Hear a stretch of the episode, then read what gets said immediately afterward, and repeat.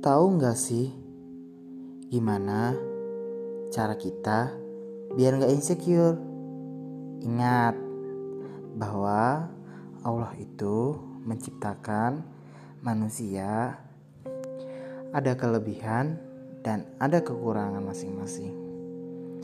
Kelebihan yang kita punya bisa kita jadikan tempat untuk bersyukur dan kekurangan yang kita punya bisa kita jadikan tempat untuk belajar ikhlas. Gini deh, orang yang kelihatannya sempurna bagi kalian itu sebenarnya nggak seutuhnya sempurna. Dia pasti punya masalah yang kita nggak tahu.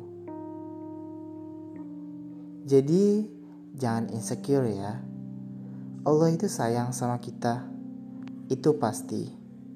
Dan dengan kalian gak bersyukur sama diri kalian, itu sama dengan kalian gak sayang sama Allah. Malu dong, kita udah banyak dikasih kenikmatan.